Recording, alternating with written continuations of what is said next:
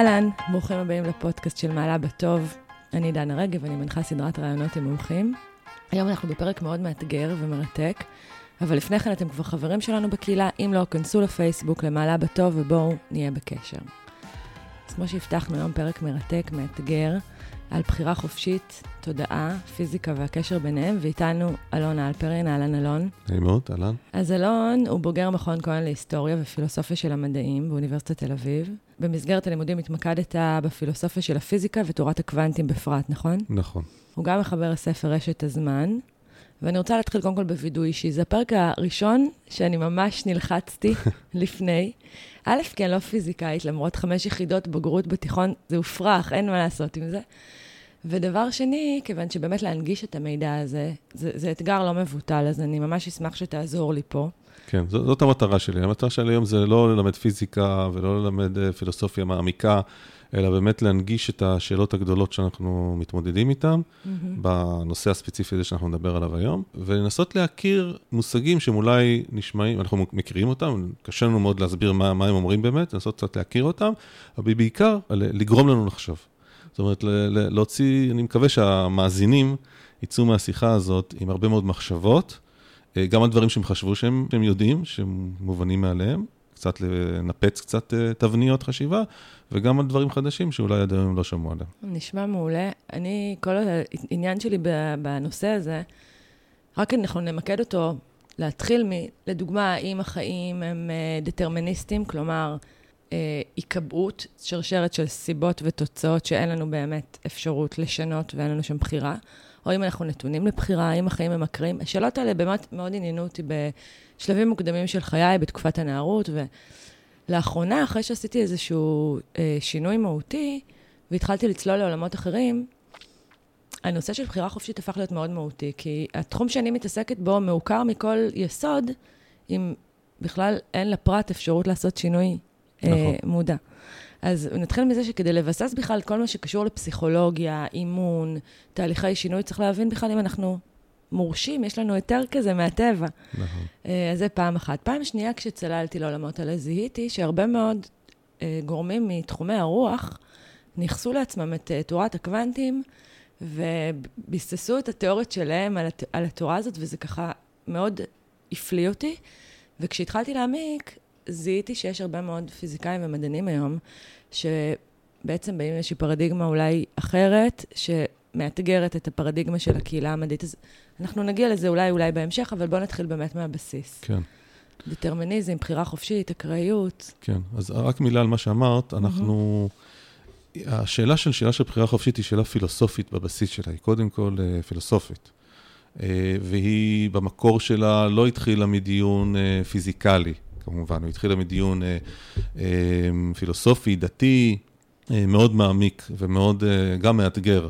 אה, באמת השאלה הזאת, שאלה שמלווה אותנו משחר האנושות, זה לא שזה משהו שעלה בשנים האחרונות, כן? אה, גם אה, בתפיסות דתיות עדיין יש ויכוח מאוד גדול בשאלה האם יש לנו בחירה חופשית או לא. הכל קבוע והרשות נתונה, זה משפט יהודי ידוע שבעצם אומר את הכל. אם הכל קבוע, אז איך הרשות נתונה וההפך. אמ, וזה משהו שנמצא בכל הדתות ובכל התפיסות האנושיות הפילוסופיות שליוו אותנו לאורך השנים. אמ, זה נכון שלאורך השנים גם נוצר חיבור מאוד חזק בין ההבנה הפיזיקלית, שבאה ומנסה להבין את הטבע, להבין, להסביר מה קורה סביבנו, מה זה המציאות הזאת המדהימה ש, שנמצאת סביבנו, להסביר אותה בכלים פיזיקליים מדעיים, וההתנגשות בין השאלות הפילוסופיות של בחירה חופשית לבין מה שאנחנו מבינים, או חושבים שאנחנו לפחות מבינים, על הטבע. ופה יש התנגשויות מאוד גדולות. אז הדיון הוא פילוסופי ודיון פיזיקלי, ואנחנו ננסה לשלב ביניהם. אז בחירה חופשית זה קודם כל היכולת שלנו לקבל החלטה ו- ולפעול בהתאם להחלטה הזאת, באופן שישנה באמת את המציאות, אוקיי? אמ, וזאת ש- השאלה הגדולה, האם זה בכלל אפשרי? התפיסה הדווקא יותר מקובלת אה, בעבר וגם אה, היום, אה, מאנשים שהעמיקו בשאלה, היא יותר נוטה לכיוון של דטרמיניזם. מה זה דטרמיניזם? דטרמיניזם זה בעצם ההבנה שאין לנו שום יכולת בחירה. זאת אומרת שהכל קבוע מראש. זה יכול להיות בגלל כל מיני סיבות קבוע מראש, תכף נדבר על זה, mm-hmm. אבל דטרמיניזם בעצם אומר שאנחנו, התחושה שלנו שההחלטות שאנחנו מבצעים, הבחירה שאנחנו מבצעים בכל רגע. ורגע, היא אשליה לחלוטין. תעתוע. ובעצם המציאות היא קבועה מראש, אה, ואנחנו חיים בתוכה, בתוכה, באשליה הזאת שאנחנו באמת משפיעים עליה. אבל כל רגע נתון בעתיד שלנו כבר קיים בצורה כזו או אחרת. עכשיו, לדטרמיניזם יש כמה גישות. קודם כל, הדטרמיניזם הקלאסי הוא דטרמיניזם סיבתי. בעצם אומר שלכל דבר יש סיבה. אם לכל דבר יש סיבה, אז גם להחלטה שלי יש סיבה, אוקיי? ו- ו- ולכל אירוע שאנחנו, אה, יקרה בעתיד, הקרוב והרחוק, אפשר למצוא את רצף הסיבות שגרמו לאירוע הזה, עד הסיבה הראשונה, שזה אף אחד לא יודע מה היא, אבל נגיד נקרא לה אלוהים או הפץ הגדול, כל אחד לפי התחום שלו. דטרמיניזם אומר רצף של סיבות שיגרמו למשהו ספציפי, ש- שרק הסיבות האלו, והבחירה שלי היא גם נובעת מסיבות קודמות. זאת אומרת, אני לא יכולתי לבחור אחרת, כי הסיבה שגרמה לי לבחור כבר קבועה, כבר הייתה קבועה מראש. אז זה דטרמיניזם סיבתי. יש דטרמיניזם שיותר פילוסופי, שמדבר על אה, גורל. יש הרבה אנשים שמאמינים שהכל קבוע מראש, מהבחינה הזאת שלא משנה איזה החלטה אני כביכול מקבל, תמיד היא בסוף תוביל למקום ש, שהגורל מצפה לנו. שזה קשור למשל, המשל שמנגיש את זה, זה המשל בסמרה. עם- בדיוק, סמרה זה סמרה, הידוע, כן. בדיוק, שאנחנו, לספר אותו? ב- כן, תספר. כן, זה, זה משל כאילו מפורסם ומאוד עתיק, שבעצם מספר על אה, משרת המלך, שמגיע למלך מאוד מבוהל, אה, והמלך אומר לו, מה, מה קרה? אומר לו, ואז השרת אומר לו, אני חייב לקבל את הסוס הכי מהיר שלך כדי לברוח מפה כמה שיותר מהר. מה קרה? הוא מספר לו שב... שהוא טייל בשוק העיר, ופגש אה, פתאום את מלאך המוות. והסתכל עליו במבט אה, נורא מאיים ומוזר. אז הוא מיד ברח, ו- והוא חייב לברוח מפה, כי הוא מעריך שמלאך המוות מחפש אותו. אה, המלך נתן לו את, אה, את הסוס הכי מהיר, והוא ברח, וברח למקום הכי רחוק בממלכה, מקום שנקרא סמרה. המלך נורא כעס, איך מלאך המוות מתנהל ככה מול המשרת שלו, הלך לשוק, חיפש אותו, מצא אותו, אומר לו, תגיד מה, למה אתה מפחיד כל כך את המשרת שלי? אז המלאך אמר, אני נורא מצטער, לא התכוונתי להפחיד אותו, פשוט הייתי מאוד מופתע, כי אני אמור מחר לפגוש אותו בסמרה. וזה מראה שלא משנה איזה החלטה שנקבל, אנחנו בסופו של דבר יש גורל. יוצא, נכון, וזה אדיפוס המלך, ו- והרבה סרטים ש- שמתחילים בסיטואציה שהיא, שהיא בעצם סוף הסיפור, ואז אנחנו לאט לאט מגלים את הסיפור ומגלים שאנחנו מגיעים לאותה נקודה, וזה מין מבנה דטרמיניסטי כזה. התחושה הזאת שהכל קבוע מראש, ולא בגלל סיבות, אלא בגלל שלא משנה מה, זה יכול להיות אלוהים, זה יכול להיות כל אחד עם התפיסות שלו, יש לנו גורל. אז זה סוג שוני של דטרמיניזם. סוג שלישי נקרא דטרמיניזם רך, שהוא כבר מוביל, נותן איזשהו פתח לבחירה חופשית, והוא בעצם אומר, אנחנו, אה, יש לנו מגבלות מסוימות, אה, שאין לנו שום יכולת להשפיע עליהן, הן מכוונות אותנו. זה סיבות, זה כל מיני דברים אחרים, פיזיקליים או לא פיזיקליים, שמכוונות אותנו לכיוון מסוים, אבל בסופו של דבר, בתוך הדבר הזה יש לנו איזשהו משחק. זאת אומרת, הוא לא חופשי לחלוטין, אין לנו בחירה חופשית באמת לגמרי, אבל אנחנו יכולים בתוך הדבר הזה לשחק. איזה זה- משקפיים להרכיב, גישה אופטימית או פסימית, כאלה? כן, כאלה, זאת אומרת, יש לנו איזשהו מרווח פעולה בתוך הדטרמיניזם ש- שקיים במציאות, שבאמת לא מאפשר לנו לקבל כל אפשרות שהיא, יש איזשהו מגוון של בחירות מסוימות שאנחנו יכולים אה, להתקדם בתוכן. זה, זה המשל הידוע זה שהחיים זה, זה הקלפים שאנחנו מקבלים, אוקיי? זה הדטרמיניזם, הקלפים שאנחנו מקבלים. הבחירה החופשית זה האופן שבו אנחנו משחקים עם הקלפים האלה. זאת אומרת, אנחנו לא יכולים לעשות מה שאנחנו רוצים בתוך המשחק הזה, אבל יש לנו כן חופש בחירה מסוים בתוך המשחק. זה דטרמיניזם. בעצם אומר, אין לנו יכולת בחירה אמיתית, ואנחנו באמת אה, חיים באשליה שאנחנו בוחרים את הרגע הבא. הגישה השנייה היא לליברטניזם, אוקיי? זה בא מהחופש ליברטי וכדומה. שבעצם אומר, אנחנו, יש לנו בחירה חופשית לחלוטין. זאת אומרת, כל רגע ורגע אנחנו מקבלים החלטה, אנחנו יכולים לבחור, ואנחנו יכולים ל- ל- ל- לקבוע איך ייראה הרגע הבא, ואיך ייראה הרגע אחריו וכדומה.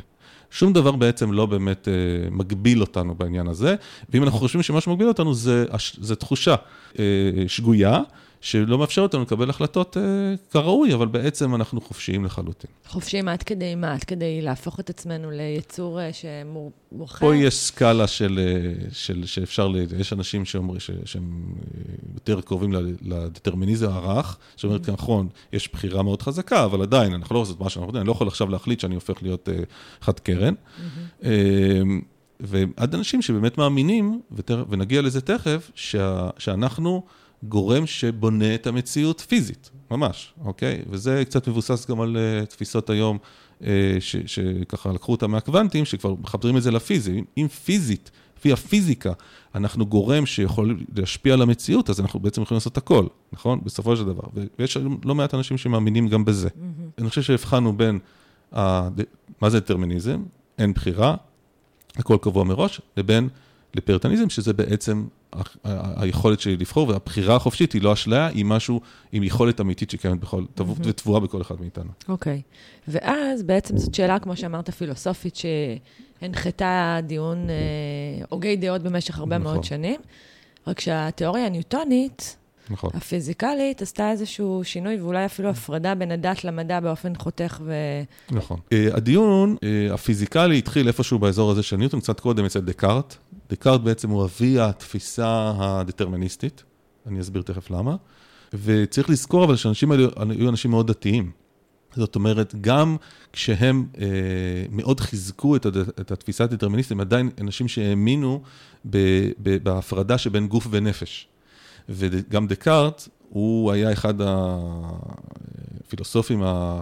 אני חושב, אולי הכי משמעותי, בדואליות. בתחילת, בדיוק, בתחילת השאלה הגדולה הזו שנקראת גוף ונפש, הדואליות של גוף ונפש, כי הוא בעצם, אה, אני חושב משמע אני קיים, מה, מה, זה, זה משפט שלו, זה, זה התוצר של המחקר הפילוסופי שהוא עשה, שהוא בעצם אומר, הדבר היחיד, האמיתי שאני יכול להגיד, ש, שיש אני, שהאני הזה, הוא חושב, מעבר לפיזי. והוא אמר, הוא מצא איזה הסבר לאיפה איפה זה מתחבר, הישות הפיזית הזאת והישות הרוחנית. ואז, גם במקביל לזה, התפתח הדיון הפיזיקלי. הפיזיקה מאז ניוטון התפתחה בצורה מאוד מאוד משמעותית. ניוטון היה גדול המדענים שהפך את התפיסה האנושית לחלוטין. אחר כך זה התהפך עוד פעם, נגיע לזה במאה ה-20, אבל. אז זה היה מאוד משמעותי. וניוטון, על בסיס דקארד ועל בסיס uh, התפיסות שלו, גם כן uh, היה בן אדם מאוד דתי. אבל אה, לימד אותנו משהו מאוד מעניין. ניוטון, בצורה מאוד פשוטה, הסביר שאפשר להסביר כל מה שאנחנו יכולים לראות סביבנו ברמה הפיזיקלית, במציאות הזאת, בעולם הזה סביבנו, מהשולחן והכיסאות והאני ואת וה, והצופים והכדור הארץ ומערכת השמש וה, והיקום כולו, באמצעות שלושה חוקים בסיסיים. זאת אומרת, שלושת החוקים האלה יכול להסביר הכל. בעצם התפיסה, זה לא משנה מה החוקים, עצם ההבנה שאני באמצעות שלושה חוקים יכול להסביר מה הולך לקרות ברגע הבא. זאת אומרת, ההבנה הזאת של דקארט וניוטון הביאה לאנושות את התפיסה המכניסטית. זאת אומרת, לצורך העניין, בוא נדגים את זה, אם אני יודע שגוף נמצא במרחב, מכונית נמצאת במרחב במקום X, אה, במהירות מסוימת, בכיוון מסוים, אני יודע בכל רגע ורגע איפה היא תהיה. בדיוק. ושום דבר לא יכול להשפיע על זה. אם אני, עוד גורמים, רוח, אה, מכוניות אחרות, בסדר, אני אכניס את כל הכוחות האלה, בדיוק, לתוך השקלול, אבל בסוף הנוסחה תגיד לי איפה, איפה הרכב הזה יהיה. והתפיסה הזו היא תפיסה מכניסטית, זה מה שנקרא, זאת אומרת, ההבנה שהעולם הוא סוג של מכונה. זאת אומרת, ההוא יש לו מרכיבים מסוימים, יש חוקים מסוימים, ברגע שאני לוקח מכונה, אני מפרק אותה ואני מבין איזה מרכיבים, איך כל מרכיב משפיע על המרכיב השני, מה החוקיות, אני יכול להגיד בכל רגע איך המכונה תתנהל, בעוד דקה, בעוד שעה ובעוד אה, מאה שנה. מה שניוטון בעצם אומר לנו, שהעולם, המציאות היא בדיוק אותו דבר, העולם היא סוג של מכונה, ולכן אם אני אכיר את כל החוקים, אם אני אכיר את כל המרכיבים שקיימים במציאות, אני אוכל לחזות בכל רגע רגע מה יקרה. וזו התפיסה הלפלסית. לפלס בעצם לקח את ניוטון ואמר דבר מאוד יפה, מאוד מופרך גם כיום, אנחנו מבינים, אבל מאוד יפה, שאם היה איזשהו ישות אה, על כזאת, היום היינו קוראים לזה בטח מחשב על, או איזה משהו כזה טכנולוגי, אבל נגיד שהיה איזה שד לפלסי כזה, שהיה יכול לדעת בכל רגע ורגע כל חלקיק וכל מרכיב בעולם, איפה הוא נמצא ולאן הוא, הוא מתקדם, אוקיי? אם הייתי יודע, וזה, וזה כל אחד מאיתנו גם בנוי מהחלקיקים האלה, גם הגוף שלנו וגם המוח שלנו והכל. זאת אומרת, אם היינו יודעים את כל אחד מהחלקיקים, היינו יכולים בעצם לדעת, לחזות, בכל רגע ורגע, מה יקרה בכל דבר ובכל מקום ביקום. שום דבר לא יכול אה, להשפיע על זה, כי אין מרכיב מעבר לפיזי, אין שום דבר שיכול להסביר לנו מה יקרה ברגע הבא. ואם אנחנו מכירים את כל המרכיבים ויודעים כל אחד מהם איך הוא מתנהל, על פי איזה חוקיות ולאן הוא הולך להתקדם, אז אנחנו יכולים להסביר הכל, מרכבים, כדור הארץ, מערכת השמש, אה, הרוח, אה, ו... ואני ואת, וההחלטות שאנחנו מקבלים. כי גם אנחנו בנויים מאותם מרכיבים שבעצם בנוי כל העולם כולו. והתפיסה הפלורליסטית זה דטרמיניזם הקשה, מוחלט. המוחלט, שהיה מאוד, אה, בזמנו היה מאוד קשה להתמודד עם זה, כי זה באמת התאים לתפיסה הפיזיקלית שהלכה לכיוון הזה של העולם המכניסטי. Mm-hmm. במקביל לזה, אבל כל הזמן צריך לזכור שיש לנו את השאלה הפילוסופית הגדולה. כי האמינו, אנשים מאמינים, ומאמינים עד היום, בישות רוחנית שקיימת מעבר לפיזי. נכון, רק שצריך להגיד שבהקשר הזה, בעצם הקהילה המדעית לצורך העניין, קצת נפרדה מאיזושהי ישות רוחנית. נכון, היא נפרדה, אבל יותר מאוחר, כי אז האנשים היו מאוד דתיים, גם כן, ניוטון, כן. גם דקארט. עדיין, לכן הדיון הזה הוא איפשהו במקביל, ולכן הם צריכים, גם הם צריכים להתמודד עם שאלת הגוף והנפש. ועם בש... שאלת המוסר שעולה מזה, כי אם הכל דטרמיניסטי, אז איך אנחנו יכולים בכלל לדון בשאלות מוסריות? לחלוטין, זו שאלה גדולה ש, ש, שגם התפתחה אחר כך, שבאמת, אם אין לנו באמת בחירה חופשית, אז איך אנחנו יכולים אה, ל, ל, ל, ל, ל, לבנות אה, מערכת מוסרית? כי אין לי באמת בחירה, אני לא באמת בחרתי לעשות משהו רע, או בחרתי לעשות, מה זה טוב ורע, זה בכלל אין פה, המשמעות של זה, אין לזה כן, משמעות, אם זה הכל קבוע מראש. כן, רוצח לצורך העניין, כיוון שהוא גר בבית אה, קשה יום, והתעללו בו כך או אחרת, אז זה מצד... זה הרבה יותר גרוע מזה, זה בגלל שהחלקיקים במוח שלו נמצאים בכיוון מסוים ובתנועה מסוימת, אין לו ברירה אלא לקבל את ההחלטה לרצוח. זאת אומרת, זה בכלל לא עניין פסיכולוגי, זה הרבה לפני הפסיכולוגיה. ואז הציווי החוקי הוא לא רלוונטי. בדיוק. ציווי חוקי, ואז גם הענישה וכל העולם המשפטי מאבד מהתוכן שלו. ו- ולכן הניסיון להעביר, אוקיי, אז, אז ברמה הפיזית אין לנו בחירה חופשית, אבל יש ישות שהיא לא פיזית. יש ישות שנקראת לו, נקרא לה רוח, נפש, שהיא מעבר לפיזי, היא יושבת עלינו, היא הוכנסה לתוכנו בדרך כלשהי, ובעצם אנחנו עכשיו יכולים להשפיע על הפיזי באמצעות הישות הנפרדת הזאת. כי הפיזי הוא נכון, הוא לא, אין בו בחירה חופשית, אין בו שליטה, אבל הרוח יכולה להשפיע על החומר. ואז מגיעה שאלה שנקראת שאלת הגוף והנפש, שהיא שאלה פילוסופית של אלפי שנים, שאף אחד לא יודע לפתור אותה עד היום, של איך בעצם, אם עם שתי ישויות נפרדות, איך אחת משפיעה על השנייה. זאת אומרת, מה שאתה אומר בעצם, הרי כל אה, מדע הוא תוצר של איזושהי אמונה, של איזושהי דוגמה. ההאחזות בדוגמה, uh, הרצון, החוסר רצון אולי להיפרד באמת מהאפשרות שיש לנו איזשהו סוג של בחירה, או ששאלות מוסריות הן כן רלוונטיות, יצרה איזשהו מין, uh, הוציאו מחוץ למשוואה איזשהו אלמנט אחר שאנחנו לא יודעים עליו כלום, במרכאות הנפש, נכון. ואמרו, אוקיי, את זה אנחנו לא מבינים. נכון. את זה אנחנו או כן... יכול להיות שאנחנו מבינים את זה בשפה אחרת. אוקיי, יש שפה שהיא שפת הרוח, השפה הדתית, השפה הרוחנית, יש שפה הפיזיקה, המדע, החומר. עכשיו, זה שתי שפות, אנחנו עכשיו צריכים אנחנו מבינים כל אחת מהן בנפרד, עכשיו איך אנחנו מחברים ביניהם. ופה באמת השאלה הקשה, הגדולה, כי אנחנו באמת, כמו שאת אומרת, האינטואיציה שלנו כל כך חזקה שיש לנו בחירה חופשית, שאנחנו לא יכולים לשחרר את זה באמת. זאת אומרת, גם אם יסבירו לי מיליון פעם שעל פי הפיזיקה, אה, גם המודרנית וגם אין לי בחירה חופשית, אז מה, אני מחר אני לא אבחר להגיע לפה, לשיחה הזאת? אני מחר לא אבחר את ה, את ה, את, בכל רגע ורגע את הבחירה הבאה שלי? זה הפער בין החוויה הפסיכולוגית שלך כבן נכון. אדם בוחר לבין... כן, למרות שיכול להיות שזאת אשליה. לא, בין האופציה בדיוק, נכון. אה, של טבע הדברים, שאולי אה, אתה רק אה, מדמיין את עצמך. בדיוק. ולכן הייתה, ניסו לפתור את הבעיה הזאת של איך רוח, או איך נפש, או איך תודעה, שהיא לא תודעה פיזית, משפיעה על חומר. וזאת שאלה שאין לה פתרון. זאת אומרת, כי אם, תחשבי רגע על המוח, שהמוח שלנו הוא פיזי לחלוטין, אוקיי? זה גוף פיזי, חומר שבנוי מחלקיקים, אה, שאפשר להסביר אותם מצוין ברמת הפיזיקה, אבל יש שם תוצר של אה, מחשבה. עכשיו, איך הרוח הזאת, איך זה מתחבר? זאת אומרת, האם הרוח משפיעה פיזית על המוח? כי אנחנו רואים זרמים חשמליים, אנחנו רואים תגובות כימיות במוח, כשאנחנו חושבים, נכון? אז השאלה, מה קודם למה? זאת השאלה הגדולה. האם התנועה הפיזית במוח גורמת לתחושה הזאת שיש מחשבה או יוצרת מחשבה, או המחשבה היא זאת שגורמת למהלכים הפיזיים האלה במוח, אבל אז השאלה הגדולה זה איך זה קורה, איך חומר, איך גוף, ישות, שהיא לא פיזית, שהיא לא מתעסקת, לא, שהיא לא חשמלית, היא לא כימית, היא לא שום דבר שקשור לפי, לפיזיקה או לפיזי, משפיעה על עולם פיזי. זאת שאלה שאין תשובה עליה. צריך להגיד שיש גם כנראה כמה מדענים שהאמינו לחלוטין בתפיסה המכניסטית לחלוטין, שהבן אדם הוא מכונה, לגמרי. אה, אני, כמו אני כל לא רובוט אחר. לא פסלתי את האפשרות הזאת. כן. האפשרות הזאת היא לגמרי על השולחן, ותכף אה, גם נרחיב בה, כי ככל ש... וזה אולי משהו שיפתיע את כולם. ככל שאנחנו מעמיקים יותר בהבנה שלנו, אם זה בפיזיקה, אם זה במדעי המוח, אם זה בפסיכולוגיה, אנחנו יותר ויותר כאנושות. כקונצנזוס, עזבי רגע מה, יש תמיד תפיסות שונות ו- וויכוחים, אבל כקונצנזוס של העולם המדעי במדעי המוח ובפיזיקה וכדומה, אנחנו יותר ויותר מתחזקים בתחושה שאין בחירה חופשית. זאת אומרת, ככל שאנחנו יודעים יותר, זה לא ש... נכון, נכון, אבל תכף, תכף ננסה למצוא אור בקצה המנהרה. Okay. אוקיי. אבל, אבל ככל שאנחנו מבינה, ככל שאת מבינה יותר פיזיקה, ככל שאת מבינה יותר מדעי המוח, ככל שאת מבינה יותר פסיכולוגיה, את מבינה שאין מקום, אנחנו לא מוצאים את המקום הזה לבחירה החופשית, ולא רק שאנחנו לא מוצאים למקום, אנחנו יותר ויותר מתחזקים בתחושה שמה שקורה לנו הוא אשליה. אז בואו נחפש את האור. אבל okay. אוקיי. לפני שנגיע אליו, אנחנו קופצים שנייה למאה ה-20, כן. איינשטיין מפריך את תיאוריית אה, ניוטון, אה, ובעצם בא עם תורת היחסות, נכון. שעדיין משמרת את המוטיב הדטרמיניסטי. לחלוטין, זה בדיוק העניין, שנכון שתורת היחסות של איינשטיין הייתה מהפכה מטורפת, זאת אומרת, היא מחקה את ניוטון והסבירה שניוטון טעה, אחרי 200, 250 שנה שחשבנו שזהו, אנחנו יודעים הכל.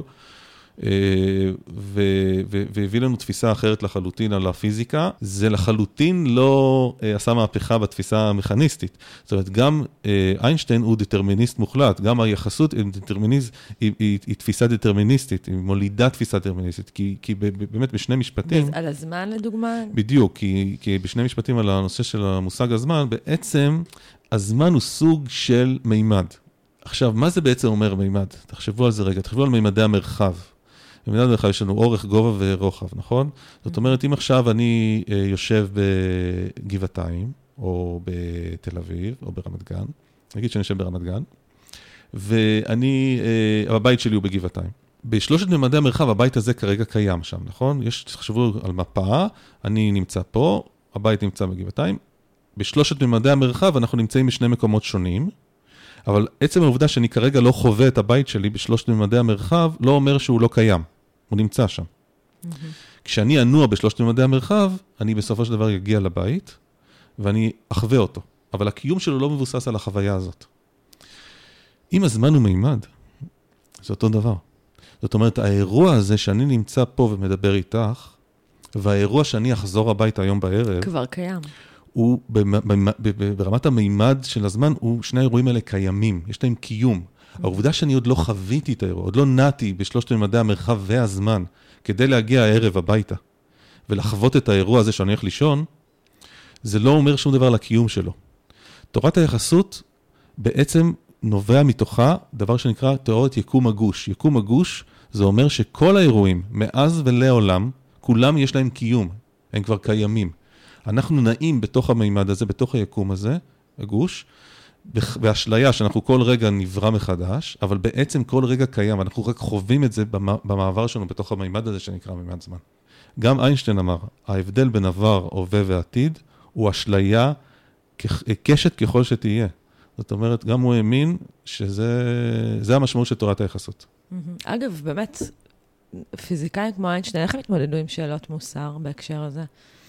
אני חושב שבסופו של דבר, אנשים, לא רק איינשטיין וגם אחרים, גם כשהם מבינים את התפיסה הפיזיקלית, הם עדיין מבינים שיש לנו, אנחנו מתנהלים כאנושות במבנים מסוימים, בתרבות מסוימת, בדרכים מסוימות, ואנחנו חייבים לבנות את התבנית הזאת, או את המודל הזה, שאנחנו נוכל לחיות ביחד באופן כזה, שיאפשר לנו להמשיך לעשות את זה. אם עכשיו אנחנו נחליט כאנושות, שאין דבר כזה יותר בחירה חופשית, והכל קבוע מראש, ומותר לעשות מה שאנחנו רוצים, כי במילא זה קבוע מראש, אנחנו אה, יכולים, יכול להיות שניכנס לבעיה, אנחנו לא יודעים. או נהיה באותו מצב. או שנהיה באותו מצב, נכון. אבל רוב האנשים בסופו של דבר...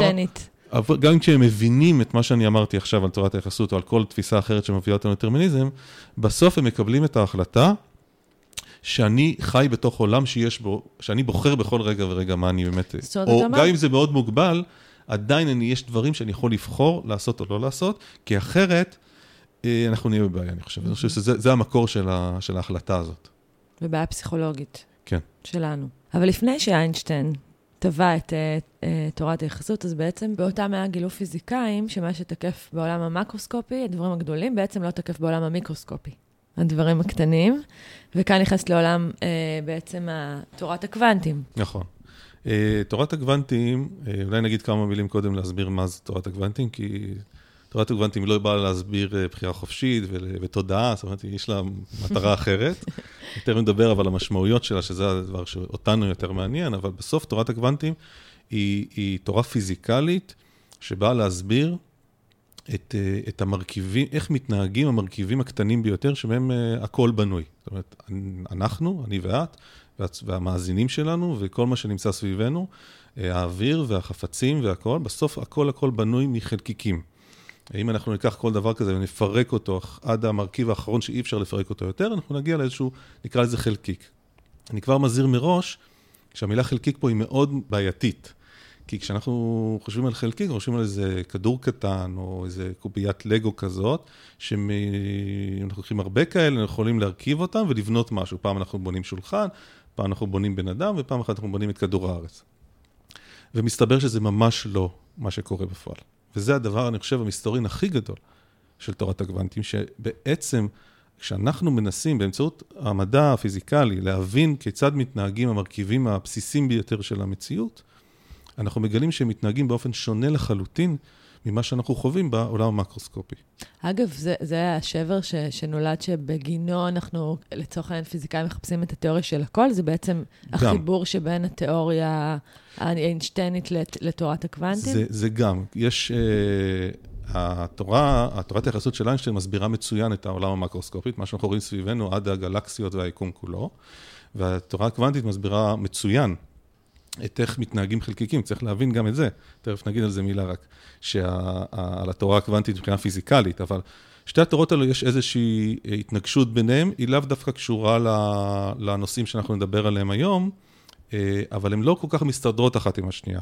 ולכן היום הגביע הקדוש של הפיזיקה זה לחפש את התיאוריה של הכל. זאת אומרת, למצוא איזו תיאוריה שיודעת להסביר גם את זה וגם את זה, גם את הגדול וגם את הקטן. כי אנחנו יודעים שהגדול מורכב מהקטנים האלה. בדיוק, וזה המסתורים, זה הדבר באמת המדהים פה, שהפער הזה, כשאנחנו אה, עוברים מהגדול, מהעולם סביבנו, ונכנסים עמוק עמוק עמוק למרכיבים, אנחנו כאילו נכנסים לעולם שונה לחלוטין, שמתנהג באופן שונה קיצונית. זאת אומרת, זה לא משהו שאנחנו יכולים להסביר איך נעשה המעבר הזה מהקטן לגדול, אין לנו היום הסבר. אנחנו גם לא יודעים איפה זה קורה.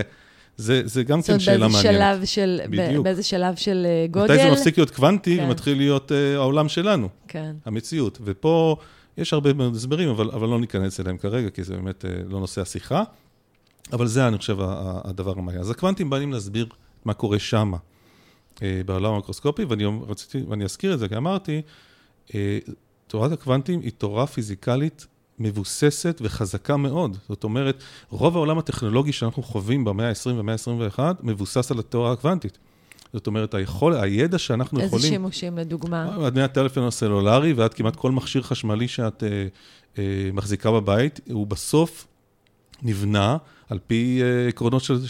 שהתורה הקוונטית אפשרה לבנות גם אותו. כי בסוף אנחנו מדברים על חלקיקים ועל, ועל חשמל ועל, ועל היכולת mm-hmm. שלנו להעביר מידע בתוך uh, uh, מרכיבים מאוד מאוד קטנים, ואנחנו צריכים להשתמש בעולם הזה כדי לבנות את המכשירים הללו, ו, ולכן התורה הזאת היא מאוד מבוססת פיזיקלית, uh, היא מסבירה מצוין את איך החלקיקים האלה עובדים ואיך הם מתנהלים ומה התהליכים שקורים שם, אבל כשמנסים להבין מה זה אומר על המציאות, האמיתית, הזאת שאנחנו חיים בה, מה המשמעויות הפילוסופיות, ההסבר של מעבר רק לתהליך עצמו, אנחנו נתקלים במסתורין מאוד מאוד אני גדול. אניגמה, כן, עוד לא פוצחה. מאוד גדול, שרובה, לטעמי ולדעת, אני חושב, רוב האנשים לא, לא הצלחנו לפתור אותה עד היום, mm-hmm. למרות שיש הרבה מאוד פרשנויות וניסיונות. וזה, אני חושב, הדבר באמת מעניין שיש בתורת הקוונטים. זה מרתק. בוא, תיגע באמת בהקשר הזה של הגילויים המאוד מפתיעים שגילתה כן. התורה הזאת. אוקיי, אז אנחנו, אה, לפני שנגיע לבחירה חופשית, אנחנו ניגע בכמה נושאים מעניינים שקשורים בסוף גם למה שאנחנו נדבר עליו בהקשר של בחירה חופשית. תראי, קודם כל דיברתי על הנושא של חלקיק. אמרנו זה שלהשתמש במושג חלקיק הוא, הוא בעייתי. למה? כי אנחנו עוד פעם, כשאנחנו חושבים על חלקיק, אנחנו כבר מעמיסים על המילה הזאת הרבה מאוד קונוטציות והרבה מאוד פרש... משמעויות ש... שלאו דווקא קיימות שם.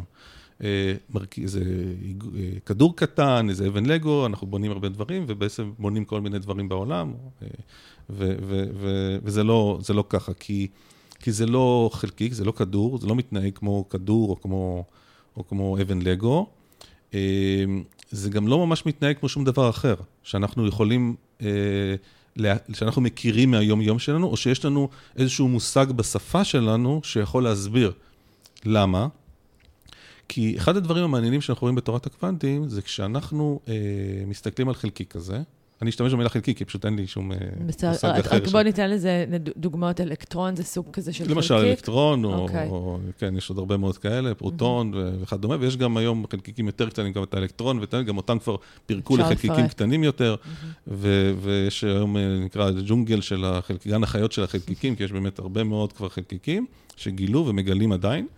אמ, ו- ו- ותורת הקוונטים בעצם, מסבירה לנו איך החלקיק הזה מתנהג, אבל כשאנחנו אה, מסתכלים על החלקיק הזה, או יותר נכון לפני שאנחנו מסתכלים על החלקיק הזה, אה, יש לו המון מאוד, הרבה מאוד תכונות אפשריות. זאת אומרת, יש כל מיני אפשרויות של איך החלקיק הזה יתנהג.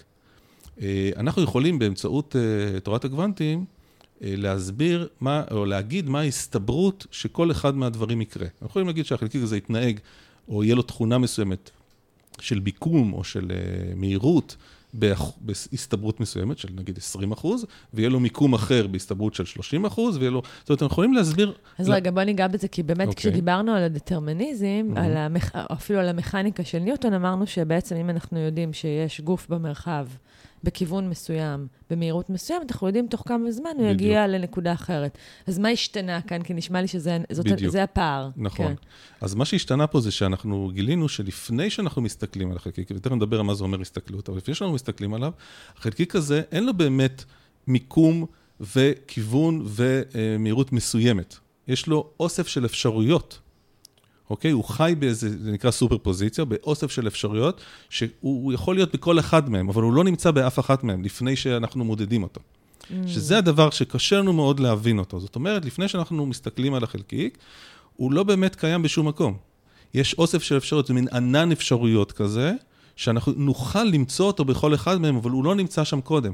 זאת אומרת, אנשים לפעמים מבלבלים וחושבים שתורת הגוונטים, היא אומרת, אה, היא לא אומרת שאין לו שום אה, תכונות לפני שאנחנו מסתכלים, פשוט לא יודעים. שוב, אין איבד... לנו את הידע, אנחנו צריכים למצוא. בעצם איבדנו את הוודאות שיש לנו לצורך העניין בדברים נכון. הגדולים. אני יודעת שאם הגוף הזה נמצא במרחב במקום כזה, במהירות כזאת, בכיוון כזה, בדיוק איפה הוא יהיה בכל רגע נתון. בדיוק. וכשאני מדברת על החלקיקים הקטנים, אין לי את הוודאות נכון, הזאת. נכון, כי את לא יודעת, זה לא שאת לא יודעת, את לא, אין לו זה, זה קשה לה, להבין את זה, קשה להפנים את זה, אבל אין לו באמת מיקום ותכונות ספציפיות ממשיות.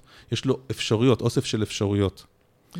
וכשאנחנו מסתכלים, הוא פתאום מקבל מיקום מסוים, הוא פתאום מקבל כיוון מסוים. כשאנחנו okay? מסתכלים, תכף מסתכלים, ניגע בזה. זה בדיוק, כן. זה מושג מאוד uh, טריקי.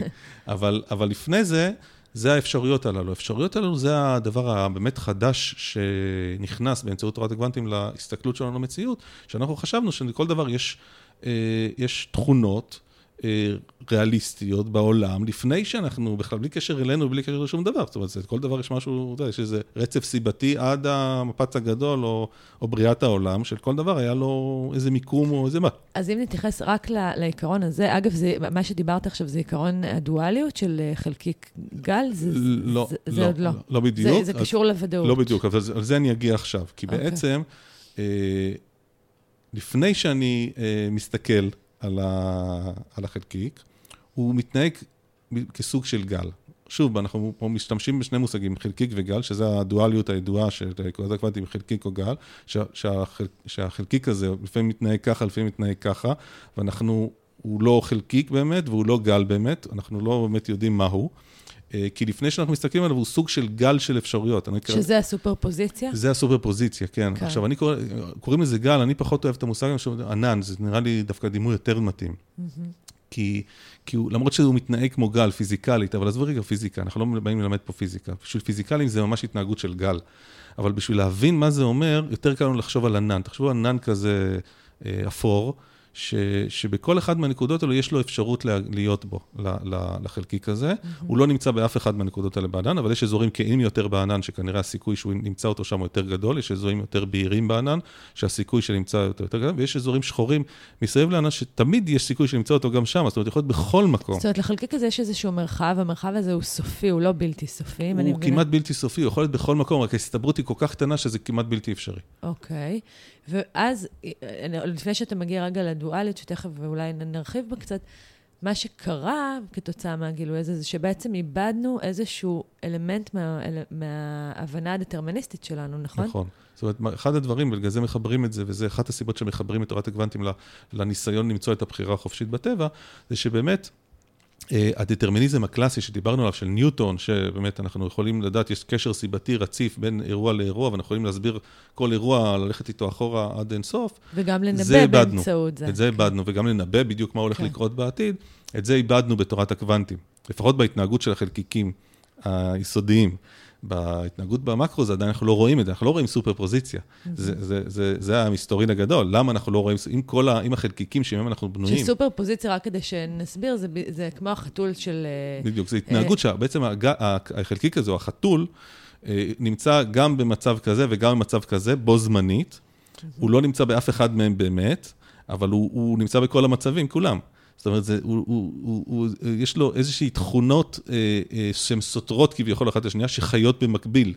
אה, ואנחנו, עד, שהוא, עד שלא מבצעים את המדידה, שלא מסתכלים עליו, הוא בעצם חי באיזה עולם כזה... פוטנציאלי. פוטנציאלי של אפשרויות. עולם הפוטנציאל. שהכל האפשרויות בהן חיות במקביל, ואף אחת מהן בעצם לא, עדיין לא קיימת. שהפוטנציאל מכיל גם את האופציה להיות, נשתמש במילים שאמרת כרגע, שאולי הן. לא מדייקות פיזיקלית, גם חלקיק וגם גל. נכון. תחשבו שהסופרפוזיציה זה סוג של גל. שהגל זה המצב הזה של, של כל האפשרויות שמתנהגות ביחד, מתנהלות okay, אוקיי, ביחד מעולה. באיזושהי דרך משותפת. אה, תחשבו, עוד פעם, גם באסוציאציה של גל זה, זה מתאים, זאת אומרת, תחשבו על גל שמתקרב לחוף, יש המון, נכון, אפשרויות שמתקרבות לחוף, אבל כשאני אה, חושב על חלקיק, אני חושב על כדור שנע במסלול ספציפי אחד ופוגע בנקודה ספציפית. זה לא איזה גל כזה שמגיע עם הרבה מאוד אפשרויות, זה נקודה אחת במסלול ספציפי. החלקיק... כשאני חושב על חלקיק ואני רואה חלקיק, הוא כבר אחרי שהוא יצא מגל האפשרויות האלה, מהסופר פוזיציה, ובעצם התממשה אפשרות אחת. אוקיי. Okay. אנחנו מדברים על מצב של, אה, בעצם הסופר פוזיציה הזאת, זה הפוטנציאל של אותו דבר, שאנחנו אפילו לא יודעים נכון. לקרוא לו בשם, להיות, ב, להחזיק בכל מיני תכונות, בין mm-hmm. אם זה מהירות ובין אם זה מיקום. נכון. אה, במצב הזה הוא לכאורה גל, במצב גל.